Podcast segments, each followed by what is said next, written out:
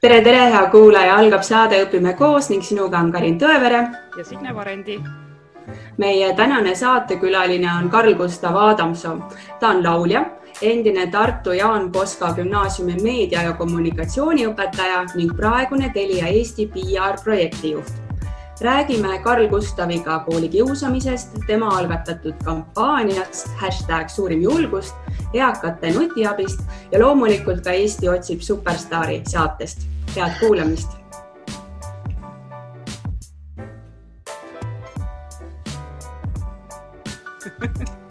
tere, Karl Gustav. tere teile kõigile no meie Signega oleme siin parajad kollanokad ja tahame natuke sinu käest nõu ka kuulda. kuna mm -hmm. sa oled õppinud ajakirjandust, siis jaga meiega nüüd saladust ühe eduka intervjuu tegemiseks. minu arvates ühe eduka intervjuu alus on tegelikult see, et mitte oma küsimustele väga kinni jääda. et kui tegelikult on olemas selline hea avaküsimus, mis käivitab selle dialoogi enda ja on ka olemas nii-öelda siht, kuhu võiks nagu jõuda, siis kõik kõige olulisem, kõige olulisemad elemendid on nagu olemas. ma ise, kui ma olen koolis praktikat teinud või, või nüüd natukene tööl nii-öelda intervjuusid läbi viinud, siis, äh, siis loomulikult selline telg peab olemas olema, aga küsimustele ei tasu mitte kunagi väga kramplikult kinni jääda, sellepärast et tihtipeale hoopis koha peal äh, ise juhtub ja saab teada päris palju uut põnevat, mis ainult selle eeltööle kinni jäädes võib hoopis nagu tähelepanuta jääda, nii et ma arvan, hea start on võib-olla see kõige olulisem aspekt selle juures no me hoiame siis Signega täna oma tšakrad lahti ja kuulame sind huviga. no meil väga on igastahes äh, väike ettevalmistus tehtud, loodame siis mitte väga kinni jääda ja ja, ja kui äh, kui ma siis kõige selle peale mõtlesin, et millega sina tegeled, kui me sind siia saatesse kutsusime, siis äh, ma sain aru, et äh, väga palju on seoseid omavahel, need asjad kuidagi on seotud, millega sa tegeled ja, ja ma tahtsingi kõigepealt teada, et, et kuidas sina siis nagu elust läbi lähed, et kas sa seilad nagu elu merel, lähed kaasa lainetega või sa oled ikkagi väga selline kindel äh, tüürimees ja, ja sul on kindel siht ja, ja sinna sa lähed tegelikult äh, mul on üldse olnud niimoodi, et ma, ma olen äh, seadnud endale sihte väga palju erinevaid, aga, aga lihtsalt lained on tulnud vahepeale. et, äh, et elu on õpetanud nagu seda, et, et mingisuguseid eesmärke tasub endale küll seada sest siis on nagu siht silme ees, eks endal motivatsioon ka see, seeläbi suurem. aga, aga jällegi äh, mitte väga nendesse jälle kinni jääda, sellepärast et ühest küljest on siis elu natukene põnevam, ootamatusi tuleb ka rohkem ja, ja samuti on, on vähem elus äh, pettumusi, kui ei lähe kõik äh, plaanitult ja siis, ja siis ma olengi kuidagi nagu noh, kui ma näiteks kasvõi mõtlen sellele, et et selline kommunikatsioonitöö oli minu, minu gümnaasiumiõpingute lõpus, kui ma valikuid pidin tegema, minu viimane valik, sest ma kõigepealt tahtsin saada näitlejaks ja psühholoogiks. aga kuna näitlejakool mind vastu ei võtnud ja psühholoogiasse ma küll sisse sain, aga sõbrad ütlesid, et, et psühholoogil on üks hea omadus, et ta peaks kuu, oskama inimesi kuulata, mitte ainult ise rääkida, siis ma pidin jääma elus äh, kolmanda valiku juurde ja läksin õppima kommunikatsiooni. täna mul on, ma olen tohutult äh, rahul enda valikuga ja see ongi lihtsalt üks näide võib-olla selles, et, et sa võid endale küll sihte palju nagu seada, aga kui, aga jah, mitte väga nendesse kinni jääda ja mitte pettuda, kui läheb midagi nagu teistmoodi, sest äh, see võib, äh, lihtsalt tuleb siis see kolmas variant oma elus võimalikult ägedaks keerata mm. -hmm no ma saan aru, et see Superstaari saade, mida me mainisime, kus sa osalesid, oli ka üks selline siht sinu, sinu elus, kuhu sa siis pürgisid ja ja, ja selle Superstaari saate ajal tegelikult äh, sa avasid ennast meedias ja jagasid seda, et, et sinu põhikooli aastad ei olnud mitte kõige kergemad. ja, ja ma tahakski tegelikult kohe sukelduda sinna, et kui, kui sa lubad ja, ja me ei pea üldse detailidesse laskuma, aga et sa jagaksid seda põhikooli aega ja, ja siis oma kooli kiusamise kogemust? No tegelikult äh, selles mõttes ma, ma arvan, et äh, kõik inimesed, kes on võib-olla selle kiusamisega kokku puutunud, äh, liigid, liigituvadki nii-öelda, ei kõla küll väga hästi nagu kahte leeri ja mõned, kellel, kes on selle nagu enda jaoks nagu läbi mõtestanud või sellega kuidagi nagu rahu teinud ja, ja saavad sel teemal ka rääkida ja jagada oma kogemust. teised, kes tegelikult, mis on ka väga mõistlik, et taha nagu rohkem seda haava nagu lahti teha ja, ja see on kinni kasvanud ja minnakse eluga edasi õnnelikumalt ja tervemalt. Aga, aga mina olen sellega nagu nüüd rahu nagu teinud ja, ja jah, lugu tegelikult ongi selline, et ma olen äh, terve elu olnud selline keskmisest suurem inimene ja, ja kuidagi selline põhikooli keskel see kuidagi kulmineerus, ma olin selline hästi suur ja priske poiss ja ma eristusin nagu kõikidest teistest endaealistest noortest. Ja, ja ega ei olnudki vaja väga palju nagu äh, noh midagi väga palju enamat, et, et sellega nagu noortele silma jääda ja et nad haaraksid sellest kinni ja nad pööraksid minu tähelepanu ja, ja ka teiste tähelepanu asjale, millest ma olin teadlik. ja, ja, ja tegelikult selline suurem kiusamine tegelikult algaski suht juba algklassidest peale, et ma olin nagu suur-suur poiss ja muudkui ma läksin järjest suuremaks ja see kulmineeruski kuskil selline seitsmendas, kaheksandas klassis, kus tegelikult äh, ikkagi see oli nii vaimne kui füüsiline vägivald füüsiline pigem vähem, sest mõned arvasid, et võib-olla nagu nii suur poiss, et hakkab nagu vastu või, või teeb mingi väga võimsa vastulükke, et pigem oli see vaimne. aga see vaimne võib olla ka nagu oma olemuselt nagu nii rusuv ja nii õudne, et, et see füüsiline on ka nagu ühel hetkel nagu täiesti nagu läbi, rääkimata mingitest noh, vaimsest tervisest, magamishäiretest, et sa lihtsalt ei saa magada, sest sa ei taha järgmine päev kooli minna Äh, rääkides siis veel sellest, et, et kuidas nagu õppetulemused võivad, õpitulemused võivad selle läbi nagu kannatada.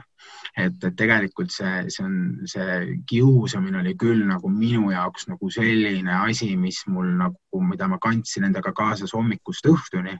et kuigi see kius toimus seal koolis kohapeal, siis sa läksid nagu ikkagi õhtul koju ja sa ei oodanud järgmist päeva ja see hommikul algas taas.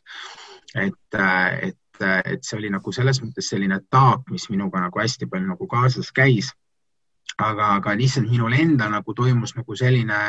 muutus, et kui ma olin äh, gümnaasiumi alguses, hakkasin seal õppima, siis äh, just suvi vahetult enne gümnaasiumiõpinguid ma olin oma suguvõsa kokkutulekul, kus kiusas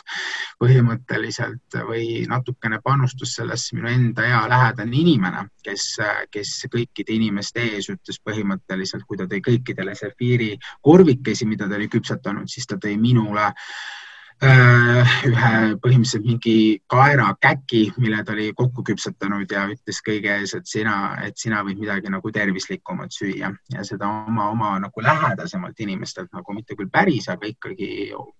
inimeselt, kellelt sa ei ootaks nagu sellist, sellist sõnumiavaldust, oli see ikkagi nagu nii laastav ja nii valus ja minu jaoks nagu nii suureks ähm, jõuallikaks, et ma selle frustratsiooni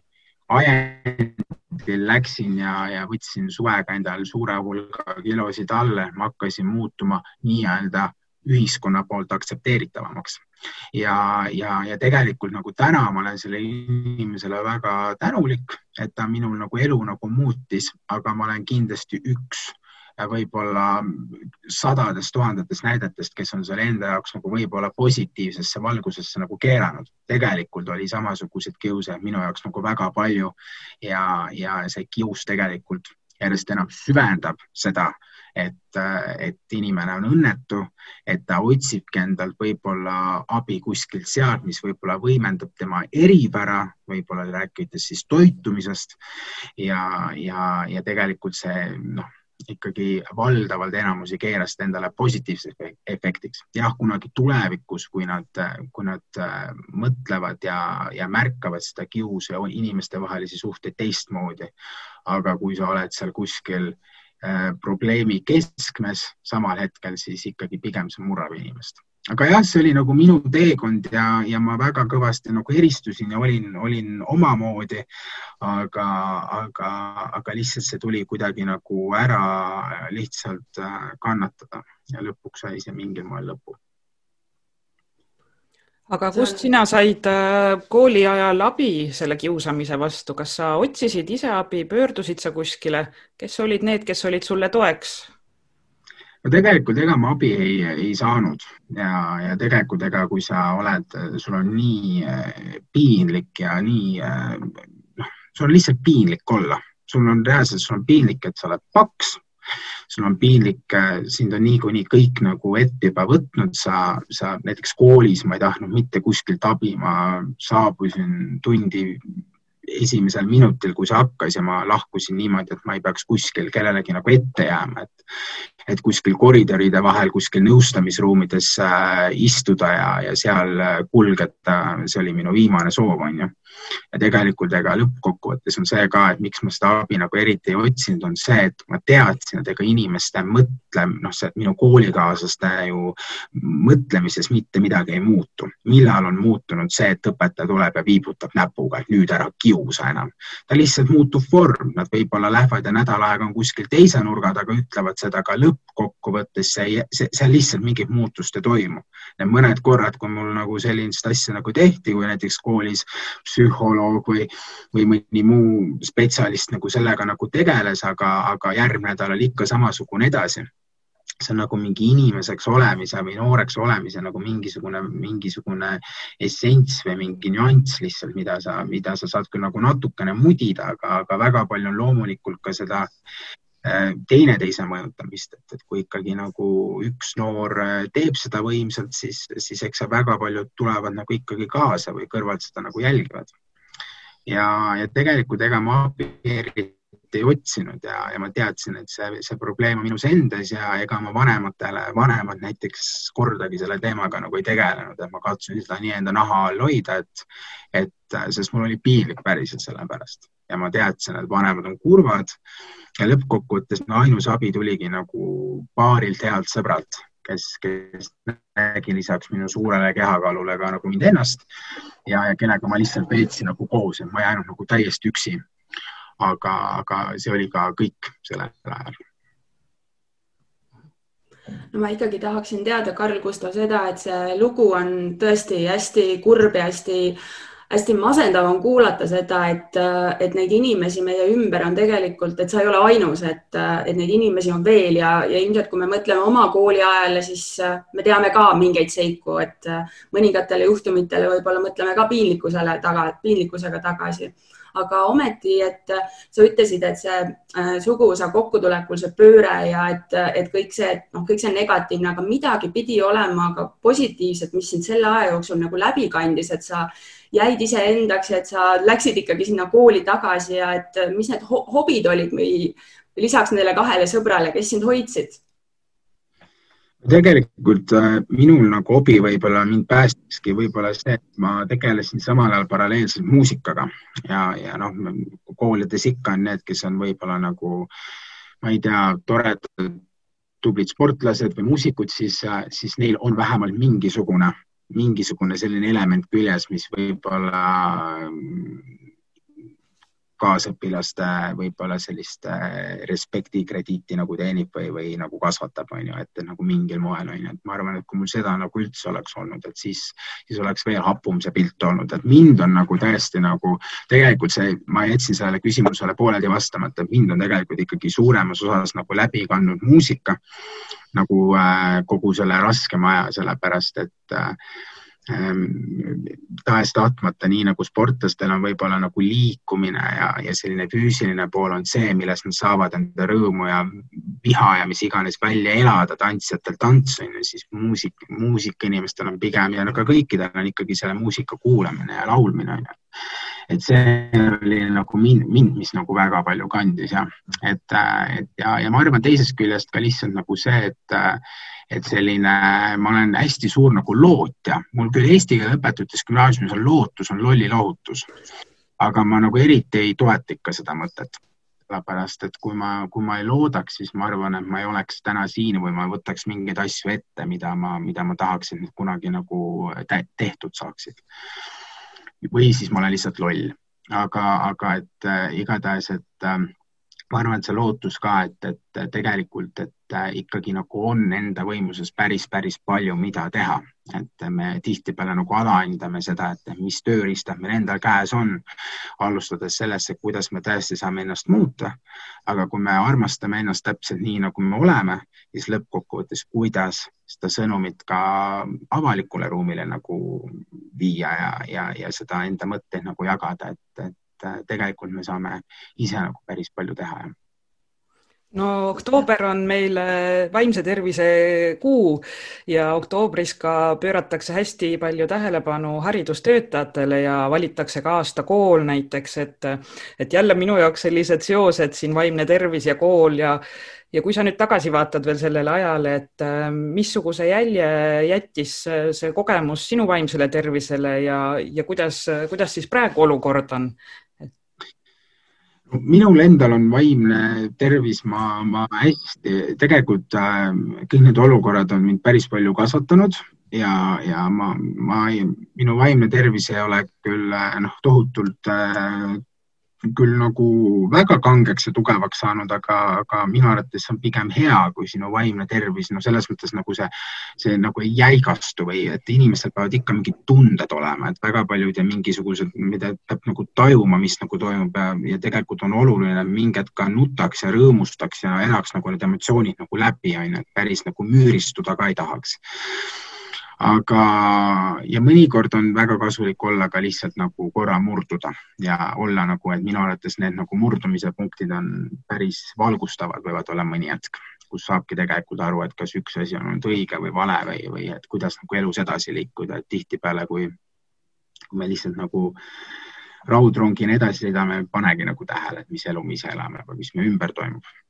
aga, aga see on nagu praegu vaimse tervisega on päris äh, okei okay ja ma pean nagu tunnistama, et, äh, et mind on see päris palju karastanud, et, et kui nagu loomulikult äh, mul on noh, täna on hetkel jätkuvalt veel nagu see, et, et eks ähm, eks kui äh, need inimesed, kes võib-olla halvasti või, või nagu äh, kiusasid või ütlesid mulle midagi nagu nõmedat, siis ja täna nagu tulevad minu juurde, hakkavad äh, noh, sõbralikku nagu vestlust arendama või, või rääkima nagu elust või olust on ju ja mul on viimane pilt sellest, kuidas ta mulle nagu jalaga nagu selga lõi siis äh, mis sest, et ma olen täiskasvanud inimene, et aga, aga ikkagi see arm on mul alles, et ma nagu viisakalt nagu jätan selle diskussiooni lakooniliseks, lähen eluga nagu edasi, on ju, et, et ma nagu kuigi nagu äh, noh, nii palju, kui ma noortega olen ka nagu rääkinud, siis ega me ju noorusele väga palju ei teadvusta endale, mida me nagu teeme või nii edasi, siis ikkagi nagu ma arvan tegelikult juba, et selline põhikooli lõpufaasis, gümnaasiumi alguses olev noor inimene, ta on ikkagi juba piisavalt suur, et ta võiks nagu ühte-teist endale nagu aru pähe võtta, et mida ta ütleb või mida ta nagu teeb, on ju, et, et seda ei tasu väga nagu sellise noore või lapse nagu selliseks naiivsuseks keerata, et, et me, me ei suuda, et, et selleks ei pea enne kaheksateist saama saama, et ma saan aru, et, et ma ei tohi jalaga inimest lüüa või ma ei tohi talle midagi halvasti öelda või kübermaailmas kiusata. ja vot see on küll nagu see asi, kus, millest me ei ole nagu üle saanud, millest mõned nagu on kõigega rahu teinud ja kõigiga on rõõmsalt edasi, et aga, aga, aga elu on nagu selles mõttes, et ma nii palju, kui ma olen nagu pannud tähele, siis ega need kiusajad tihtipeale enam nagu ei, ega nad ise ka juba nagu kuidagi väldivad või nad on läinud nagu elus nagu kuidagi teist liini pidi, et ega nad, ega nad ju mäletavad seda, et nad on üht või teist asja teinud, ega nad endal on ka nagu võib-olla mingisugune tunnetus sees, et laseks nüüd sellel inimesel olla. et, et ma arvan, et see on võib-olla selline ainukene asi, millega ma aeg-ajalt nagu veel kokku puutun või, või mis on nagu märgi jätnud, aga ülejäänud osas ma olen edasi liikunud tegelikult ikkagi see kiusamine jätab oma jälje ja, ja seda on vaja meeles pidada, et need sõnad, mis, mis sa ütled, need teevad haiget ja, ja ei, ei kao sealt mälust äh, sellel inimesel ära. absoluutselt, absoluutselt aga nüüd äh, kooli ajal sa õppisid ennast tegema nähtamatuks ja, ja käima mööda seina äärt. aga siis äh, läksid sa oma unistuste poole ja vastupidi siis suure avalikkuse ette Eesti otsib superstaari saatesse. et minu jaoks nagu selline totaalne pööre siis, et, et, et kuidas sa siis sinna jõudsid? No tegelikult juba, kui oli gümnaasiumi lõpp, siis kui see superstaari otsingud äh, algasid, siis ma väga tahtsin sinna minna ja minu ema ütles mulle, et tegelikult ema mul on väga nagu, ta on lasknud mul kõike teha, mida ma nagu tahan, et ma olen väga tänulik täiesti, aga ta ütles mulle, et Gustav, sinna sa ei lähe, et enne sa pead lõpetama kooli. ja siis, äh, siis ma olin pettunud ja väga kurb ja siis äh, läks aega mööda, üks-kaks aastat ja ei olnud ikka veel harilikult mingi aja tagant oli iga aasta oli see Superstaari saade eetris ja siis hakkas nagu pausidega see tulema ja siis mul oli küll nagu lõpus oli kaks aastat äh, oli nagu möödas. ja siis mul oli, et äh, ma olin, ma olin tohutult tige oma ema peale, et näed, nüüd minu eluvõimalus läks. siis, kui ma läksin just ülikooli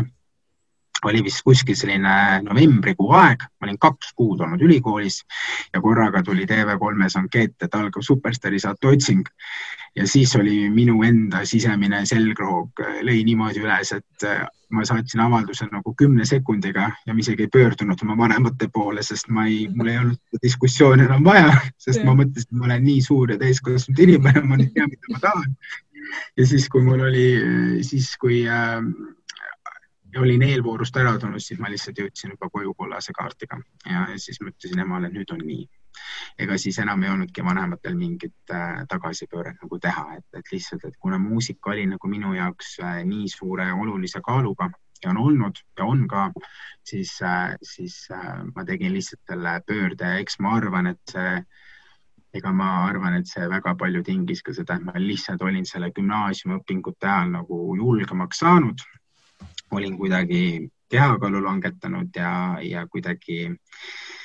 kuidagi saanud aru, et tegelikult ma võin olla ja laulda küll nagu iga teine ja, ja ma võin seda võistlust nagu proovida ja, ja vaadata, kuidas sellega läheb ja, ja siis, siis ma sinna lihtsalt jõudsin. see ongi see kogu eellugu nii-öelda aga Mis aasta on? siis oli kaks tuhat viisteist ja sa läksid kohe julgelt avalikkuse ette. just mm., et Äh, mida see kogemus sulle õpetas ja andis? see kogemus õpetas ja andis äh, seda esiteks, et mis kiirelt tulnud, see kiirelt läinud, kui sa väga palju ise tööd ei tee. et mitte midagi ei tule siit loomulikult, et inimesed arvavad tihtipeale, et lähevad kuhugi, ma ei tea, Rannamajja või Superstaari saatesse ja siis ma olengi elu lõpuni kuulsus ja pannakse Kalevipoja kõrvale monument püsti ja siis ma olen nagu kõikide inimeste teadvuses. tegelikult niimoodi ei ole et äh, selle kallal tuleb väga palju nagu tööd teha ja, ja teisest küljest äh, ma sain nagu aru ka seda, et, et muusika on tõesti see, mida ma tahan teha. Ja ma nägin väga toredasti ka kogu seda, kuidas nagu selline saade nagu sünnib. Ja, ja minul kui ajakirjanduse nagu tudengitel oli nagu väga, tudengil oli nagu väga kihvt näha, et kuidas selline saade sünnib ja mis nagu kulisside taga toimub ja, ja kuidas see nagu kokku jookseb, et just nagu see võrdlemine selle, selle telemaailma, mida, mida nii-öelda vaataja näeb, võrreldes selle päris maailma vahel, et see oli päris tore nagu kogemus. Ja valgustav ka. Ja, ja, ja eks ma ja noh, kui ma sinna saatesse nagu läksin, siis, siis äh, minu hea õppejõud Priit Pullerits ütles, et äh, kui ma võtsin akadeemilise puhkuse, siis ma pidin minema Tallinnasse ja, ja otsustasin, et ma ühe aasta ülikooliõpinguid ei tee, sest et kõik laitsid selle valdavalt maha peale minu enda, siis, siis äh,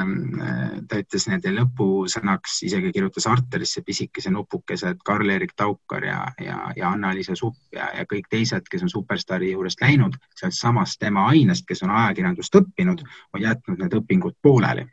ja tõenäoliselt, Gustav, kui enam tagasi tuled, head teed sul minna. siis, kui see superstaari saade sai nagu läbi minu enda jaoks, siis see oli siis suve algus siis ma olin kindel, et ma lähen kooli tagasi, sellepärast et ikkagi nagu tänane nagu muusikamaailm, et vähemalt siin Eestis on päris äh, väike ta on hektiline, sa sõltud äh, väga paljudest asjadest, samuti on konkurents päris tihe. et ma lihtsalt nagu tundsin seda, et, et selline võib-olla selline akadeemiline nagu aluspõhi on ikkagi see, et mille ma peaksin nagu kätte saama. Ja sellepärast ma siis läksin sinnasamma Priit Pulleritsu loengusse. Sügisel jälle tagasi ja ütlesin, voilà, siin ma jälle tema üllatuseks mis on võib-olla selle Superstaari saate kõige eredam mälestus, kohtumine mõne, mõne sinu iidoliga näiteks? Ma arvan, tegelikult ma olen nagu mõelnud sellele, mul tohutult, no ikka oli väga tore, mina olen hästi suur Tanja, Tanja Mihhailova saare fänn ja mul tõesti nagu väga, väga, väga, ta meeldib mulle ja, ja mul oli ikka tore nagu näha neid, keda ma olen terve aeg imetlenud, on ju, ja nendega rääkida ja neile laulda, et see oli nagu tore, aga ma arvan, et tegelikult üks eredamatest mälestustest lihtsalt, mida ma olen, võib-olla seostub just selle kiusamise teemaga, oli see ikkagi, et et kuidas nagu avalikus ruumis nagu nende superstaari saate või osaliste nagu kommenteerimine käib, on ju, ja kuidas neid nagu pihtide vahele võetakse, et see oli päris nagu ähm, teflonit kasvatav kogemus, et, et üks näide lihtsalt oligi see, et kui me kui me ühe finalistiga, me sõitsime trolliga pärast lauluproovi nagu tagasi siis äh, sinna majutuskohta, kus me olime, siis äh, istusime seal trollis on nagu bussides ikka sellised neljased istmed, kus kaks tükki saavad teisele kahele otsa vaadata. olime mõlemad kahekesi nagu ühes ääres ja teisel pool üle vahekäigu oli kaks vanemat prouat. ja meil olid siis äh, niimoodi need kapuutsid peas, vaatasime aknast välja, väga külm ja rõve aeg oli ja siis need äh, prouad võtsid ette eile toimunud Superstaari saate, kus siis äh, rääkisid sellest neiust, kes mu kõrval istus, et, et äh, kas sa nägid teda, et selline suur ennast täis nagu selline nagu suur täispuhutud siga laulis, et ma ei saa aru, miks võetakse neid röökivaid noori nagu sinna saatesse. Ja siis nagu võimsal nutiajastul võtsin mina oma nutitelefoni kätte ja kirjutasin siis enda selle kompanjonile, et kuule, et kolme peale võtame kapuuts ära ja vaatame nendele otsa, onju tegime seda ja, ja see oli minu arvates, öeldakse, et kahjutunne ei ole mingi tunne ega rõõmutunne, aga ma tundsin sellel hetkel nagu ennast päris nagu isegi nagu hästi, et, et näidata nagu inimestele seda, et sa mitte kunagi ei tea nagu, et kui lähedal võib selle tagaräägitav inimene nagu olla ja, ja tegelikult kui halvasti sa ise ennast pärast seda seeläbi tunned, et, et need prouad läksid kuidagi kahtlaselt kiiresti nagu järgmises peatuses välja, tunne oli, et nende teekond pidi pikem olema. Telefon tagurpidi käes, et tuli äkiline kõne ka ja lahkusid sealt, et tegelikult sellised nagu momendid, kui antakse nagu otse või kuskil nurga taga nagu päris, päris räiget tagasisidet oli minu arvates jälle nagu see, mille ma küll lõppkokkuvõttes olen positiivseks keeranud, aga tegelikult oli ikkagi äh, päris uudne kogemus järsult äh, tudengi, tudengi staatusest äh, tulles no kui neid äh, superstaari saateid ja muid selliseid saateid vaadata, siis alati, kui on see žürii, siis nad peavad midagi ütlema. aga kui sa oled ajakirjandust õppinud, siis noh, ainult sellisest äh, mesijutust ju ei piisa, see ei, see ei müü. Rah,, rahvas tahab ikkagi niisugust äh, verd ja pisaraid näha, on ju, et et kuidas, kuidas sina elasid üle nüüd selle, et seisad seal ja öeldakse sulle võib-olla midagi sellist, mida, mis sulle ei meeldi ja mm., ja kas kuidagi lava taga siis püüti neid asju siluda ka? kusjuures ähm, minu jaoks oli juba see, et ma sinna kuskile kümne sekka jõudsin, see oli minu jaoks juba võit, sest mina teadsin, et minu toakaaslane Jüri selle võistluse võidab. kõikidel oli juba mindset sellel moel, et mind isegi üllatanud on ju, et sellised küsimused, kas sa kukud nagu kolmandana, neljandana, mis iganes välja. Ja, ja teiseks on ikkagi nagu see, et ega seal, ega see ikkagi lõppkokkuvõttes ähm, noh see kriitika, mida jagatakse, sa, sa kuidagi need nädalad jooksevad nagu nii kiiresti, see on, saade saab läbi, sul on tohutu emotsioon, emotsioonide plahvatus, eufooria, kurbusest, rõõmust, on ju. sa saad inimestega järjest rohkem lähedasemaks, nad lähevad järjest kiiremini minema sealt. Ja kohe tuleb uus päev, uus laul, õpi selgeks ja juba on pühapäev, on ju et tegelikult sa nii selle liini sees, et mingi hetk sa enam nagu eriti nagu neid asju nagu tähele ei pannud ja, ja tegelikult ega mingi hetk oli juba see, et, et oligi, et ühest küljest oli nagu mõtetes, et oh, et tore oleks, kui saaks veel nagu edasi, aga mõni hetk ikkagi nagu juba tekkis nagu tunne, et ega ma kurb ei ole, kui ma sealt rongilt nagu lahkun ka, et ma olen nagu saanud kõik siit, mis ma olen nagu tahtnud. et nagu ma olen sealt kogemused saanud, ma olen saanud laulda ja näidata ja, ja, ja mingi hetk oli nagu see, et ega ta on selles mõttes energiat päris palju sööv, et sa pead äh, päris palju uusi asju tegema, pead endast maksimumi andma ja, ja mõni hetk oli, oli, võis tekkida juba soov, et, et äh, võtaks nüüd aja nagu maha. ja, ja siis, äh, et ma katsun seda niimoodi enda jaoks nagu mõtestada, et, et ja ega lõppkokkuvõttes, kui see asi sai nagu minu enda jaoks läbi, et ega siis mõnes mõttes nagu elu alles algab, et seesama, mis ma ütlesin, kiirelt tulnud, kiirelt läinud, et nii palju, kui sa pärast selle peal nagu tegutsesid, said seda muusikat edasi teha. mina veel natukene aega siis veel tegin. Gustav, sa jagasid meiega oma koolikiusamise lugu ja rääkisid äh, Superstaari saates osalemise kogemust. aga tahaks veel hirmsasti teada, kuidas sa jõudsid Jaan Poska gümnaasiumisse õpetajaametisse, et võiks arvata, et kõik need kogemused on sellised, et sa ei taha enam koolist midagi kuulda-näha või vastupidi, andis mingi asi sulle tõuke, et ma tulen tagasi kooli ja ma hakkan asju tegema nii, et keegi teine ei pea kogema seda, mida mina kogesin. No tegelikult minu taust on see, et, et kui tõesti ma ise lõpetasin Jaan Poska gümnaasiumi, siis mul oli äh, tunne, et äh, noh, kool oli väga tore, aga noh, enam ma sinna tagasi nagu ei lähe, eks meil kõik tahavad minna nüüd suurde laia maailma hakata kogemusi saama, mis ma siia kooli enam tulen, pole põhjustki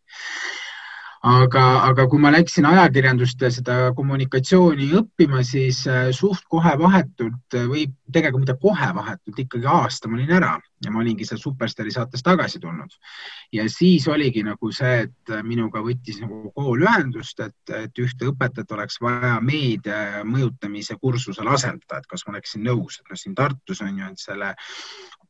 Tartus äh, Toomemäel ja minu enda ülikooli ja, ja Poska vahel on äh, paarsada meetrit, et hüppaks läbi ja viiks paar tundi läbi. ja siis äh, ma ütlesin, et eks ma ikka võin ja, ja mulle nii hakkas meeldima. mulle nii hakkas meeldima, ma sain nagu aru, et miks mu sõbrad ütlesid, ma psühholoogiks väga hästi ei sobi, et ma lihtsalt räägin inimesi surnuks. ja siis, ja siis oligi nagu see, et, et ma et ma läksin, tegin nagu esimesed tunnid ära ja ma sain nagu noh, ma ei tea nüüd, eks õpilased ise saavad öelda, et kuidas nad nagu rahule jäid, aga ma nagu sain nagu jumala mõnusa,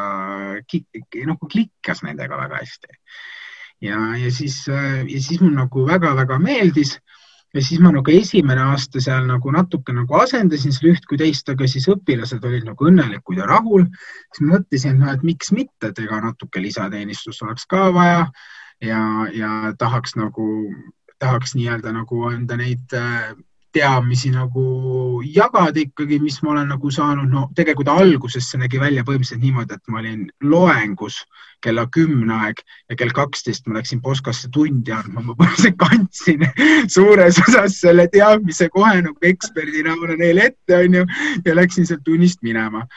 aga, aga mulle tõesti nagu see meeldis ja mul see klapp nagu noortega nagu tekkis ja, ja ma, ja ma tahtsin nagu teha midagi sellist võib-olla, millest ma ise nagu puudust tundsin. et äh, nende, nende noortega, et, et äh, ja, ja lõppkokkuvõttes äh, isegi sain aastase klassijuhataja oldud, kui ma, kui ma läksin siis sealt Poskast minema, et jah, selline kolm aastat ma seal kokku nii-öelda olin vahelduva eduga kas see kolm aastat äh, olid sa sellesama ühe kursusõpetaja või õpetasid sa veel mingeid teisi aineid? mina näiteks, mul oligi, ma aeg-ajalt äh, andsin meedia mõjutamise kursust, mis on eesti keele üks nagu selle nii-öelda selle komplekti üks alakursus ja lisaks siis mul oligi nagu valikainetena siis äh, paar korda aastas oli meediakursus, mul oli praktiline kommunikatsioon, kus õppisime siis nii-öelda sellist äh, inimestevahelisi äh, sellist suhtlemist ja sellist kommunikatsioonikultuuri, et millest võib olla nagu kasu nii, nii eraelus kui ka võib-olla tööle kandideerides ja kooli asju tehes on ju, et, et sellist äh, ja lõpetades isegi võib-olla nagu sellise brändi ja turunduseni välja ja, ja siis, ja siis kolmas kursus, mis ma andsin, oli praktiline ajakirjandus, et need, kes nagu sellist laiema meediakursuse võtsid ära, aga tahtsid nagu edasi kirjutada või uurida või pusida, nemad said siis võtta sellise praktikumi ka sinna otsa. mul oli nagu selline kolm kursust, mida ma siis ähm, mida ma siis iga aasta nagu paar korda nagu andsin ja, ja, ja see, need täitsa niimoodi, täitsa kenasti tiksusid täis, et noortel oli nagu huvi selle vastu päris suur jah aga kuna mul oligi nagu, ma ei olnud seal täiskohaga õpetaja, siis ma olingi nagu natukene seal klassijuhataja, aitasin seal koolil natukene sellist sõnumi levitamist teha, et siis mul nagu tuli mingi selline arvestatav ülesannete ports nagu kätte, aga et piisa, et saaks ülikoolis käia mm. -hmm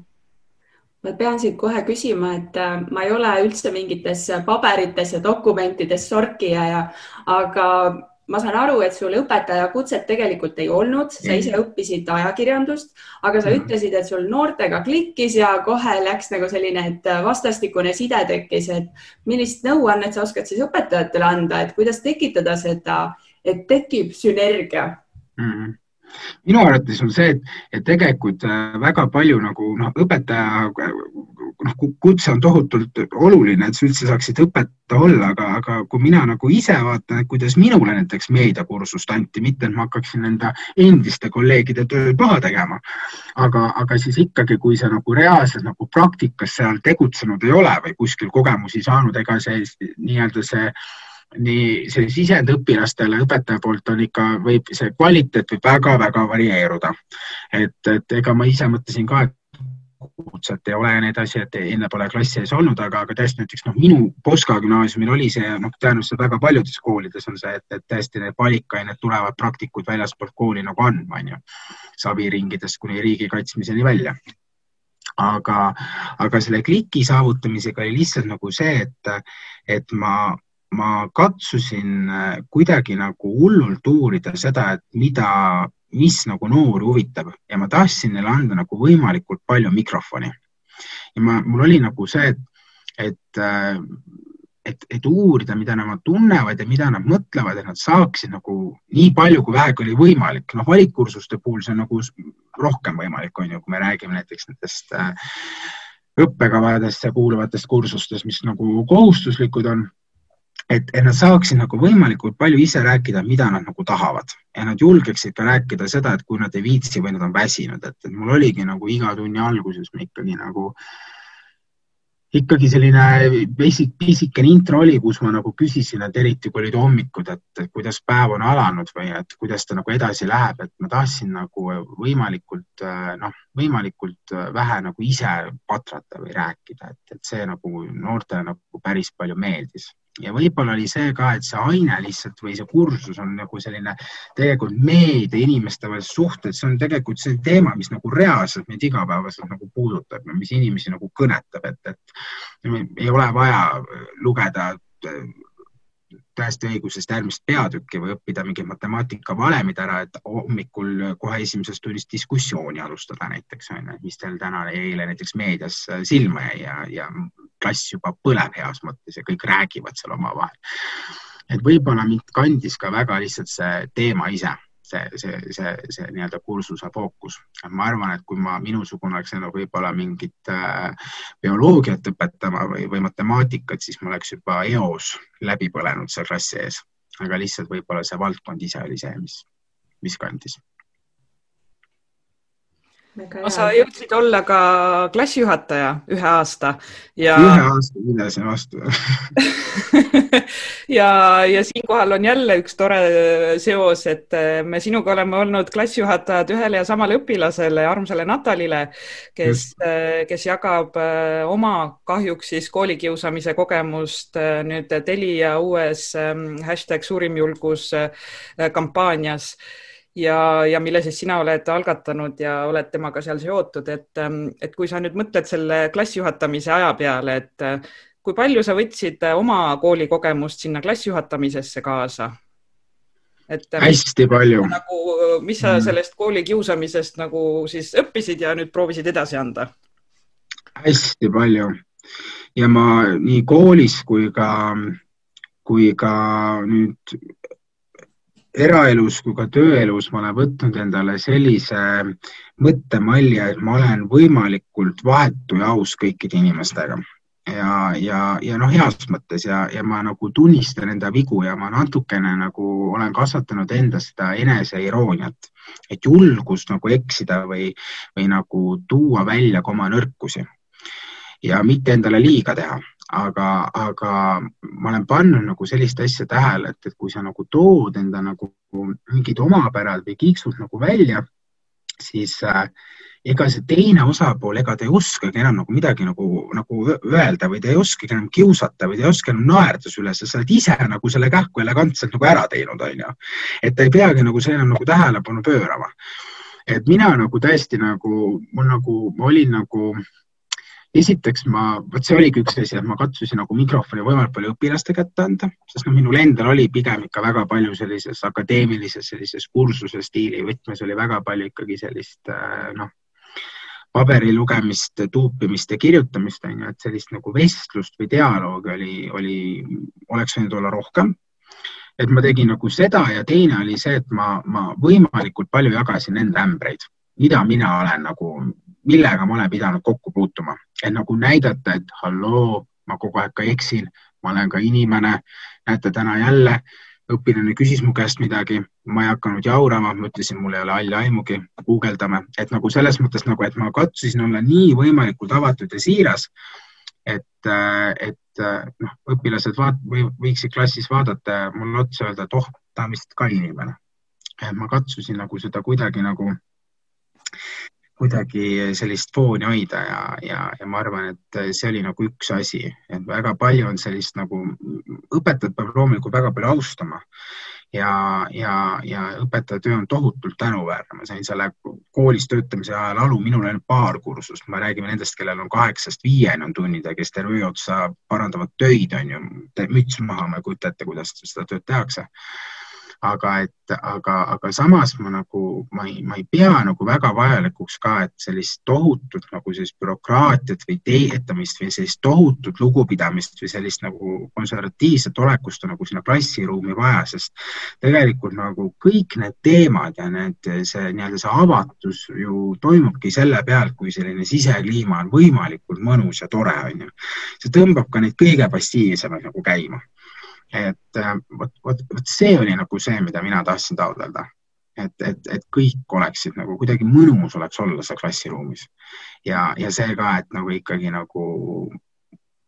et nalja saaks ka ma ei, ma ei, mitte midagi ei ole teha, aga kui inimesel sa nagu natukene tõmbad nagu selle, selle rõõmumootori nagu tööle, see on uskumatu, kuidas inimene on kaasas. ta nagu, ta kohe nagu, ta kohe on sellel hetkel selle mõttega on seal, seal ruumis kohapeal ja, ja ta on, et et äh, ma ikkagi iga tund katsusin nagu natukene nalja ka teha. ma arvan, et see on isegi mõnes, mõnes kohas alahinnatud. huumor peab natuke elus olema. -hmm no nii, Signe, ma loodan, et sul on nüüd mõni hea nali siia rääkida. Minul ei oleks niimoodi, niimoodi ma, mul oli päris mitu nalja oli lavastatud ka, ma olin nagu kohe nagu mõelnud selle ette igatahes. No see oligi praegu päris hea nali, aitäh, Karin, saime naerda Augustusega mõlemad, nii et, et sa tegid mu eest töö ära, aga. Sorry, et see nüüd sinu kulul oli et see on nüüd, nüüd on jälle niisugune, et noh, tegelikult nalja tuleb teha iseenda kulul, mitte teiste kulul mm. -hmm. aga ei, ma ei tundnud ennast puudutatuna, nii et kõik on hästi jah, näed, saame siin naerda, aga, aga tegelikult mind veel huvitaks ikkagi see pool, et, et jah, klassijuhataja töö, aga nüüd aineõpetajana ehk siis selle kursuse juhina, et kui palju sa siis märkasid äh, õpilasi, kes ei olnud siis sinu klassis, aga võtsid sinu kursust, et, et nende sellised mured, rõõmud, kui palju sa said neile nagu noh, neid tundma õppida? no tegelikult äh, ikkagi nagu vähe, sellepärast et kui sa nagu näed õpilast ainult nagu tunni algusest lõpuni ja ta lahkub sealt ära, onju, siis äh, ega ju õpilase juurde ei saa ju minna ka, kui klass on seal kohal, et haarad kinni, kinni, et räägime natukene, sest siis kõik need kolmkümmend pead pööravad tähelepanu ja seda enam see õpilane jookseb rukku. et, äh, et seda oli nagu vähe, aga aga, aga mis oli nagu tore tegelikult, et, et kui sa ikkagi oled nagu võimalikult nagu avatud ja, ja sa nagu tõesti nagu näitad oma valmisolekut, siis õpilane tuleb ise. Et äh, ta tuleb ise sinna laua juurde, ta nagu või ta tuleb, küsib, kuidas, kuidas teil läheb või, või kui tal on mingi kodutööga mingisugune küsimus, siis tahes-tahtmata, noh, kui sa natuke rohkem sotsiaalsem inimene oled, siis sa võid rääkida ka lihtsalt natuke elust, olust on ju, et, et see on nagu minu arvates nagu selline, nad, nad, siis nagu tulevad. aga, aga jah, mitte midagi ei ole teha, ikkagi nagu rohkem sa saad selle noore hinge sisse pugeda siis, kui, kui sa oled nagu reaalsete noorte mingi seltskonnaga nagu rohkem koos, näiteks klassivaataja rollis kus sa saad nagu üht-teist nagu noh, noore kohta teada, temaga rääkida, aga, aga see tõesti, see, see nõuab tohutult palju aega see nagu nõuab väga-väga-väga palju aega ja energiat, sest me räägime ikkagi sellest, et noh, vähemalt minu enda kogemuse näitel, et, et mõne loo kuulamiseks, jagamiseks võib minna tunde ühel päeval, sa võid istuda kaheksani seal koolis, seitsmeni ja kuulata, on ju, kust kohast sa leiad selle aja, et, et seal kuskil vahetundide ajal või seal tunni alguses või lõpus kahe minutiga teha oma liftikõne ära, et kuidas mul elus läheb, on ju ja, ja ma arvan, et see on ka see peamine põhjus tegelikult, miks, miks sa nagu selle noore inimese nagu sinna hinge nagu eriti ei jõua, ongi nagu see, et mida minu klassist väga paljud ütlesid, et tal ei ole, noh, niikuinii ei ole eriti aega, neid noori on liiga palju, praegu pole õige hetk, on ju. Ehm, kust ta selle aja nagu võtab, kas tal üldse nagu minu elu korda läheb, ta on ju õpetaja ainult, on ju. et, et minu arvates selline lihtsalt reatundi nii-öelda andes või kursust andes seda valmisolekut ja aega näidata, et mul oleks see nagu olemas, seda on päris raske teha. Mhm aga ma siit äh, tahaks kohe, Gustav, küsida, et äh, sul on olemas äh, õpetaja kogemus, sul on olemas õpilase kogemus. ma saan aru, et õpilasena sa seda koolirõõmu niivõrd palju ei kogenud, et õpetajana sa võib-olla nägid seda koolirõõmu rohkem, et sa vähemalt, kui sa rääkisid, su silmad läksid särama ja sa ütlesid, et sa leidsid kliki ja kõik oli väga hästi, et et praegu hästi palju otsitakse seda koolirõõmu ja mõeldakse, et kuidas teha, et, et see kool oleks kõigi jaoks selline meeldiv koht et eelmises saates me rääkisime ja küsisime samamoodi ka koolipsühholoogilt Karmen Maikalult selle küsimuse, et ja kuulsime, et koolides väga paljudes tegelikult üle poolte ei olegi koolis psühholoogi. samas sina ütlesid, sorry, see on pikk küsimus nüüd mm, -hmm. et äh, sina ütlesid, et äh, sina ise pigem vältisid selliseid olukordi, et noh, et koolipsühholoogia õpetajad, et sa hiilisid ära, eks ju, olid äh, viimasena tulid tundi, esimesena lahkusid, et jumala eest keegi sind ei, ei puudutaks, eks ju, et, et kuidas aidata siis neid, et need, kes on sellised teistmoodi, et äh, mida nad siis vajavad, e, et see kool, et nendel ka oleks koolis hea olla?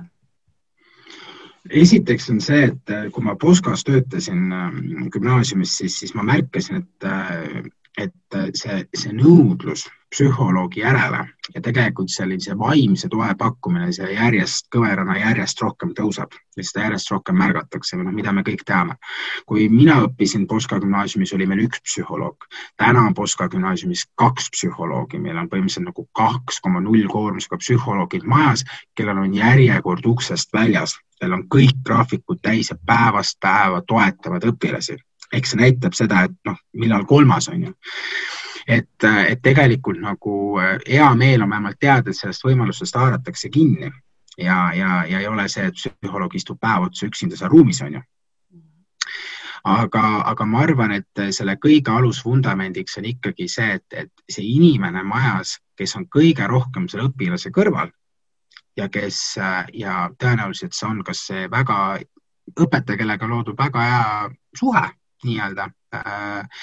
õpilasõpetaja tasandil või, või klassijuhataja, et ta reaalselt nagu märkaks ja, ja oskaks äh, õigel ajal õiget küsimust küsida.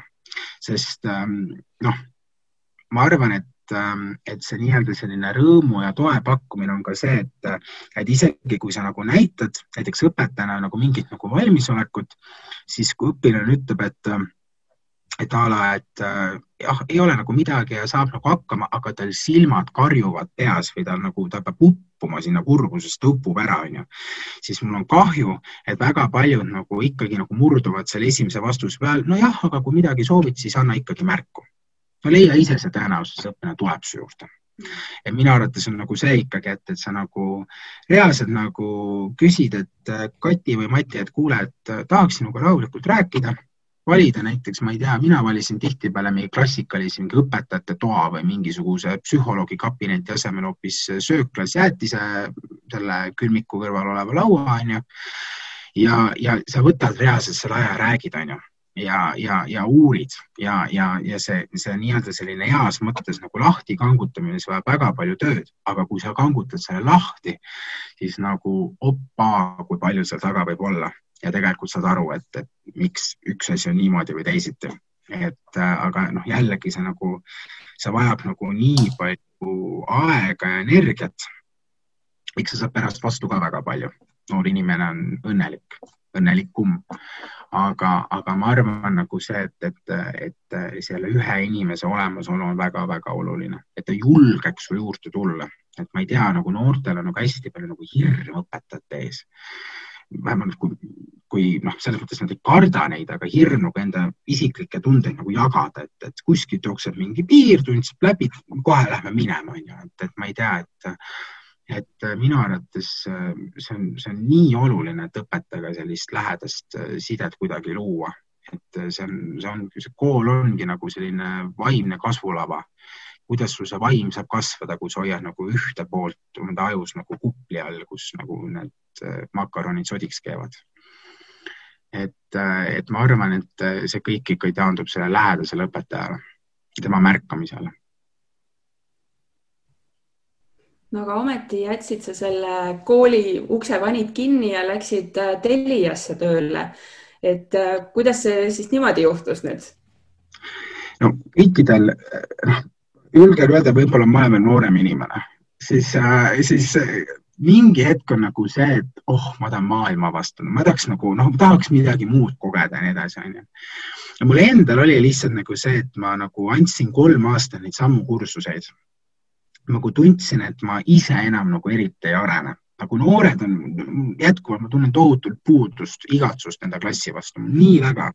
kui oleks kuskil mõni kool, kes pakuks täiskohaga meediaõpetuse kohta, noh. Et aga, aga kuna need kursused olid nagu selles mõttes nagu küll ägedad, aga nad olid piisavalt väikesed, siis no tahes-tahtmata sa, sa ei suuda seda kursust nii tohutult reformida, et sul iga aasta on tohutult suur valgustus ja sa räägid seda hoopis, sest aluspunkt on ikkagi ju samad et ma lihtsalt nagu tundsin, et, et, et ma läheks ja praegu nagu siis ma olen seda meedia poolt nagu praegu nagu siin nüüd õppinud ja, ja, ja jaganud, et läheks vaataks natuke seda kommunikatsioonitööd ka. ja siis lihtsalt, kuna elu teile tuli selline konkurss ja pakkumine, siis ma mõtlesin, et, et, et prooviks veel korra mugavustsoonist väljas olla, sest ma olin nagu terve elu kõik need päevad Tartus elanud. Tahaks kuskil mujal ka vaadata, siis see oli ka see põhjus, miks ma proovisin seda ära. aga ma jätkuvalt, ma ikkagi sisimas, ma ikkagi enda klassile kirjutan kord kuus, uurin, kuidas neil läheb, tahan nendega Tartus ühe kohvi teha ja, ja rääkida juttu, et, et, et kuidagi nagu hoida seda sidet, sest mul tegelikult ikka väga meeldis õpetada nii ja, ja nüüd me jõuame selle hashtag suurim julguse kampaania juurde, mis nüüd mm -hmm. siis äh, uuesti on käima läinud. et see ei ole tegelikult esimene aasta, kui see, kui see siis avalikkuse ees on. aga mis asi see on ja kuidas sina sellega seotud oled? Tegelikult äh, suurim julgus on selline küberkiusamise vastane algatus, mida Telia on siis äh, juba mitmeid aastaid, peaks olema juba viies aasta, kui, kui seda on nagu käivitatud. Ja, ja, ja just sellisel sügisesel ajal, kui kool on juba mingi aeg nagu käinud, on saabumas ka selline võib-olla pimedam aeg, kui inimesed järjest rohkem oma nutiseadmetesse sukelduvad, on ju, ja kübermaailmas läheb ka elu veel suurematel tuuridel käima. Ja selle algatuse selline põhjus, miks Telia on seda algatanud, ongi just see, et selline selline noorte küberturvalisuse teema ja üldse nagu kõik selline neti, neti niimoodi selles mõttes selline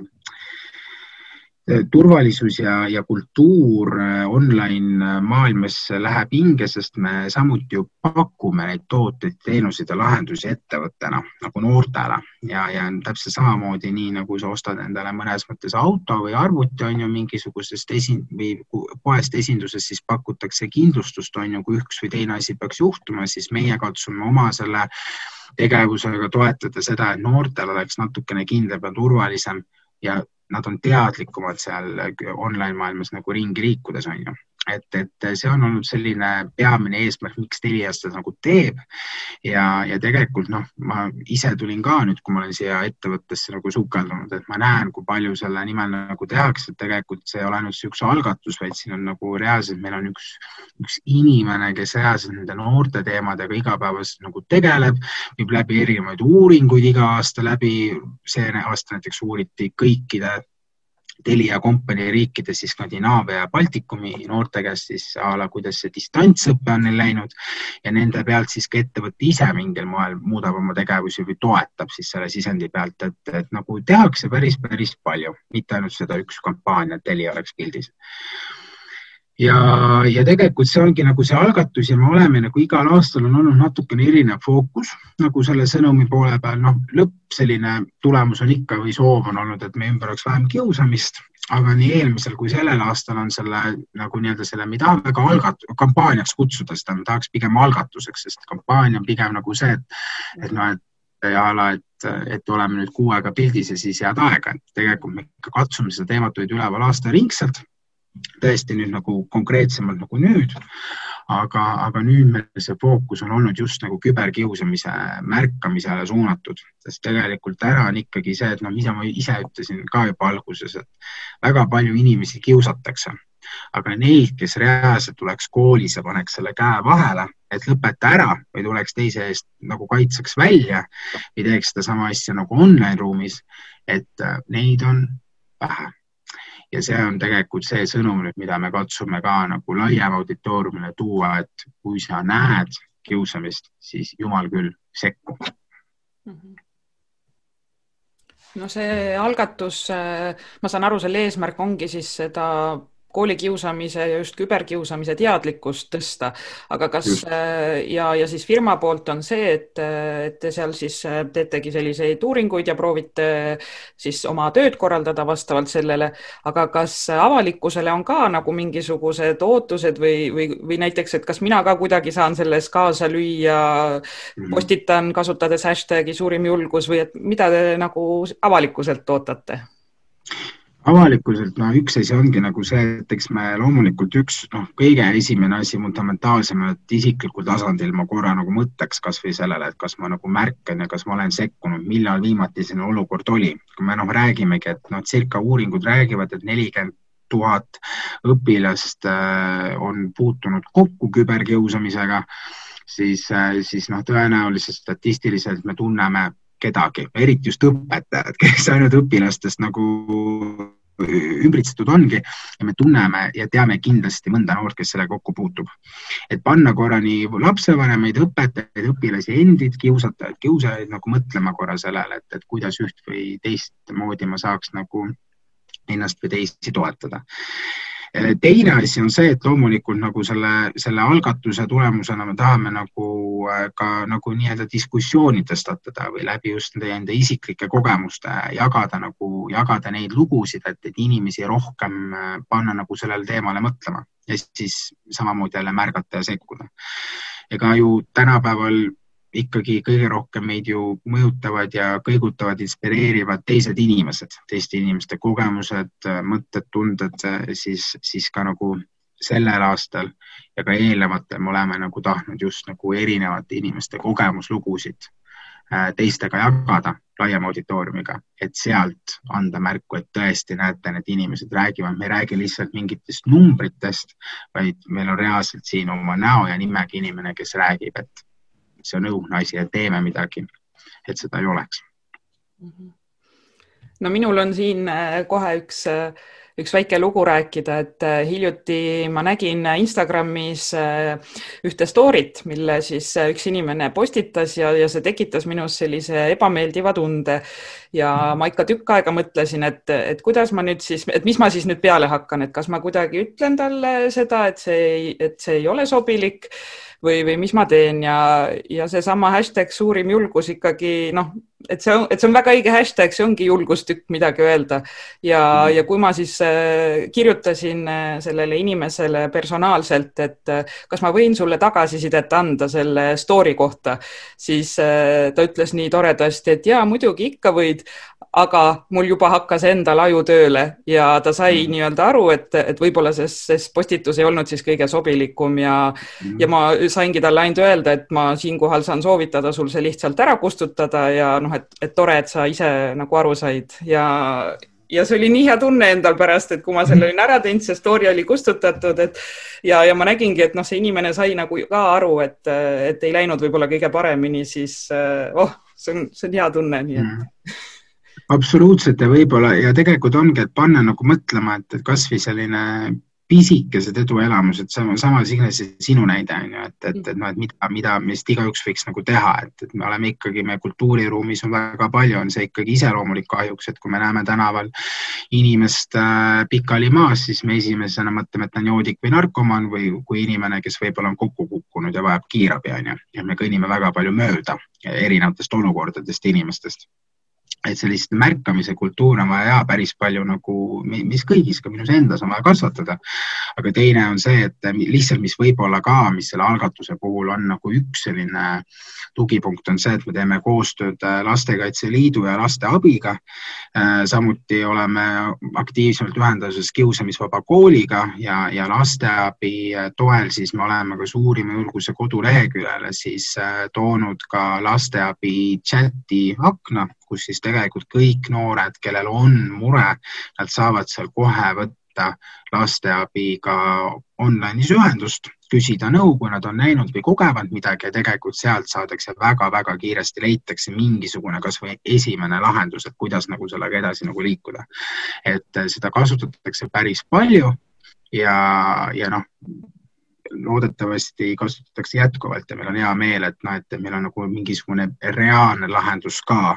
olemas, et kus saab nagu abi, et eks me nii-öelda nagu tehnoloogiaettevõttena oleme ka päris palju mõelnud ja mõtleme jätkuvalt veel, et millised oleksid need eh, tehnoloogilised lahendused võib-olla, kuidas me saaks piirata seda, seda, seda sellist vihakõnet ja sellist kiusamist ja sellist tigedust ja kurlust nagu online maailmas ja, ja selle kallal me palju tegutseme ja siin võtame ka erinevatest ajurünnakustes osa, mida meie partnerid teevad, et, et me väga loodame, tõesti, et, et ehk, ehk võib-olla järgmine aasta, kui tuleb see algatus uuesti või, või veel lähemal kaugemas tulevikus, et, et siis meil on midagi, me oleme midagi teinud tehnoloogiliselt ka sellist, et me ümber oleks natukenegi normaalsem kultuuriruum. Mulle tundub, et Telia on üks väga eeskujulik ettevõte, et suured asjad olete ette võtnud, et see suurim julgus ja hiljuti tuli ka pressiteade, et hoolitsete ka oma töötajate eest pakkudes neile vaimset nõustamist. et see on ka hästi oluline teema, et kas see oli kuidagi isiklikest kogemustest või see ongi nagu selline uus trend, et ka töötajaid äh, vaimselt toetada? No mitte midagi ei ole teha, aga kogu selline see koroona ajastu nüüd nii-öelda, meil oli keskaeg ja muinasaeg ja nüüd meil on koroonaaeg, siis, siis see on meile kõigile jälje jätnud ja, ja mitte midagi ei ole teha, ega see väga suurel määral mõjub ka kõikide meie vaimsele tervisele ja eriti, kui me räägime praegu sellisest hübriidtööst ehk inimesed on erinevates kohtades, meie töökultuur on mõnes mõttes muutunud, meie tööstiil on muutunud kohati võib-olla kaugemaks, pingelisemaks, närvilisemaks, uued äh, lahendused, uued viisid, on ju, et selles kõiges peab inimene kuidagi ikkagi nagu kahe jalaga maa peale jääma ja, ja tegelikult sellist vaimse toe tuge on tegelikult väga paljud inimesed ju oodanud, et, et ja, ja eriti noh, mul endal on nagu hea meel, et ma ise seda teemat nagu siin ettevõttes ei vedanud, ma lihtsalt panin selle sõnumi kokku. aga, aga mul on nagu hea meel, et tegelikult nagu lihtsalt nagu tööandja kui, kui selline on nagu märganud seda ja nüüd nagu pakutakse, et eks, eks, eks tulevik nagu näitab, kui palju sellest nagu kinni haaratakse aga, aga, aga nii palju, kui siin majal seinad räägivad, siis huvi selle vastu on nagu suur mm. -hmm ja teine pool, mitte ainult Telia ei tegele noortega, vaid ka eakatega. kas see on kuidagi sinu projekt või see on Telia projekt, et Signe ilmselt teab seda rohkem mm. küsida konkreetsemalt? no mina tean seda, et ma näen sind pühapäeviti prillidoosis ja Facebookis olete ju algatanud eakate nutiabi gruppi jah, mul äh, selle eakate nutiabiga on jah see, et, et see, et äh, põhimõtteliselt, mis prillidoosis nüüd paar nädalat tagasi, kolm nädalat tagasi siis pihta hakkas, ongi see, et, et siin jõulukuu alguseni on siis iga kuu, iga nädal on siis äh, eetris pisikene nutiabi rubriik, mis siis lihtsalt me oleme siin Telias filminud ja, ja kus siis mina olen nii-öelda selline toimetaja pool aga, aga tõesti, et ma olen nagu oma initsiatiivist katsunud seda seeniorite digipädevuse teemat äh, siia ettevõttesse ka sisse tuua, sellepärast et nii nagu minu uurimuste teema tulemusena, et kuidas ma selle leidsin, et mina tahtsin samuti noori uurida, sest minu gümnaasiumis noh, õpetan noori ja meediapädevus ja kõik, aga tegelikult mul juhendaja Kadri Ugur inspireeris, ütles seda, et, et kuule, et, et noori uuritakse niigi palju tegelikult, kui me paneme, võrdleme näiteks meie seenioride äh, sihtrühmaga. et tegele hoopis sellega ja, ja tegelikult sama noh, tuues nüüd see Telia konteksti, et me väga palju keskendume noortele ja, ja loomulikult peame edasi keskenduma, aga tegelikult ikkagi meie vanem elanikkond on jäänud natukene nurga taha ja, ja, ja eriti kui me räägime, et, et paari aasta või tegelikult ähm, aastate pärast on see kõver võib-olla jõudnud sinna punkti, et, et iga neljas Eesti elanik on vanem kui kuuskümmend viis eluaastat, siis me räägime ju näiteks Telia suurusest ettevõttest ka sellest, et meie suur kliendibaas tõenäoliselt umbes proportsioonid enam-vähem peaksid olema samad, et lihtsalt peab olema meie seenioridele toeks ja ma, no ma katsun seda teemat siin natuke vedada mm. -hmm kas see on midagi sellist, millega sa ka nii-öelda edasi mõtled minna, et tuleb mingeid uusi mõtteid ka, kuidas seda veel paremaks teha või jääb see selliseks äh, lühiajaliseks siis kümneks äh, episoodiks äh, prillidoosis? Mul on küll, mul on tegelikult üks suur selline unistus küll, mida ma, mida ma nüüd äh, uurin nagu igast kohast, aga minu üks suur unistus oleks see, et, et Eestis oleks, äh, oleks tulevikus olemas selline nutiabiliin meil on olemas väga palju erinevaid äh, infoliine, kõiki muid asju, aga tegelikult tänavati sellist konkreetset sellist äh, telefoni, kus sa saaksid reaalselt helistada, küsida nõu ja abi ükskõik, alustades internetiühendusest, lõpetades turvariskidega. meil täna Eestis sellist terviklikku liini toimumas ei ole, aga samuti nagu eksperte ja, ja spetsialiste ja võimalusi nagu on, aga kokku ei ole neid nagu pandud. et äh, ometigi meil on võimas e-riik samas meil on jällegi suur hulk eakaid, kes hindavad oma digipädevusi olematuks et, et minu arvates ja, ega nad seda abi kuskilt ei saa, ega nad seda prillidoosi Facebooki ka ei vaata, et, et tihtipeale, et kus seda infot nagu saada, et telefon on meil kõigil nagu taskus olemas. et luua nagu selline abiliin ka kõikidele teistele ühiskonnaliikmetele, kus siis esimesel võimalusel abi nutiasjadest saada. et see ei ole mitte kuhugi küll veel nagu jõudnud, see on mul idee tasandil, mida ma olen põrgatanud mine sa tea, võib-olla tulevikus selline asi Eestis on no Superstaari saatega sa ju tõestasid, et sa täidad oma unistused ja, ja viid need, viid need ellu, nii et äh, ma ei näe põhjust, miks see ei peaks ka reaalsuseks saama üks hetk. no ei tea. nii, aga, aga Karl Gustav, nii? ei midagi, ei midagi ah. veel kord nüüd anname sulle võimaluse minna tagasi õpetaja rolli ja, ja võtaks nüüd selle saate kokku, et kui me alustasime sellega, et mis on hea intervjuu saladus, et siis äh, anna meile palun sellist edasiviivat äh, tagasisidet, et mis läks täna meil hästi ja, ja mida me saaks veel paremini teha minu arvates te olete lihtsalt imelised, mina sain siin pikalt jaurata ja rääkida tohutult palju. Oma mootori nii-öelda tühjaks ja teie siin rõõmustasite ja noogutasite. ja mul oli, mul oli tegelikult hästi-hästi tore ja, ja, ja, ja tegelikult te täpselt niimoodi tegite, ma, ma, ma arvan, et võib-olla mina peaksin isegi teilt natuke snitti võtma, te teete rohkem neid intervjuusid kui, kui mina, nii et ma arvan, et ei jäänud me teineteisest kuidagi sugugi madalamale ma arvan, et äh, meie edusaladus Kariniga on see, et me oleme sellised äh, õpihimulised ja õhinapõhised õpetajad, et äh, ega meie ju siis ei ole seda saadet niimoodi ajakirjanduslikult üles ehitanud ja, ja tegelikult tahame lihtsalt tutvuda huvitavate inimestega ja, ja seda sa kindlasti oled, nii et, et aitäh sulle tagasiside eest, see on, seda oli nii suur rõõm kuulda ja see annab meile indu juurde teha, teha seda edasi ja vedada siin seda õpime koos taskuhäälingut. nii et äh, soovime sulle siis äh, jõudu ja jaksu kõikidesse sinu ettevõtmistesse ja, ja, ja unistuste täitumisse, nii et suur-suur äh, tänu, te olete fantastilised ja, ja mina olen võtnud meie fabuloosse saatejuhi Reet Linna käest ühe jumala kihvti väljendi. elame veel täiega. aitäh sulle, Karl Gustav ja järgmise korrani. Kuulmiseni. Kuulmiseni kui sinagi said koos meiega täna uusi mõtteid ja inspiratsiooni, siis anna taskuhäälingule hoogu juurde, likei, jaga ja kommenteeri meie postitusi sotsiaalmeediakanalites. kui soovid taskuhäälingut Õpime koos toetada, siis täname sind annetuse eest MTÜ Tartu Loomemaja arveldusarve kontole. kõik vajalikud lingid leiab saate kirjeldusest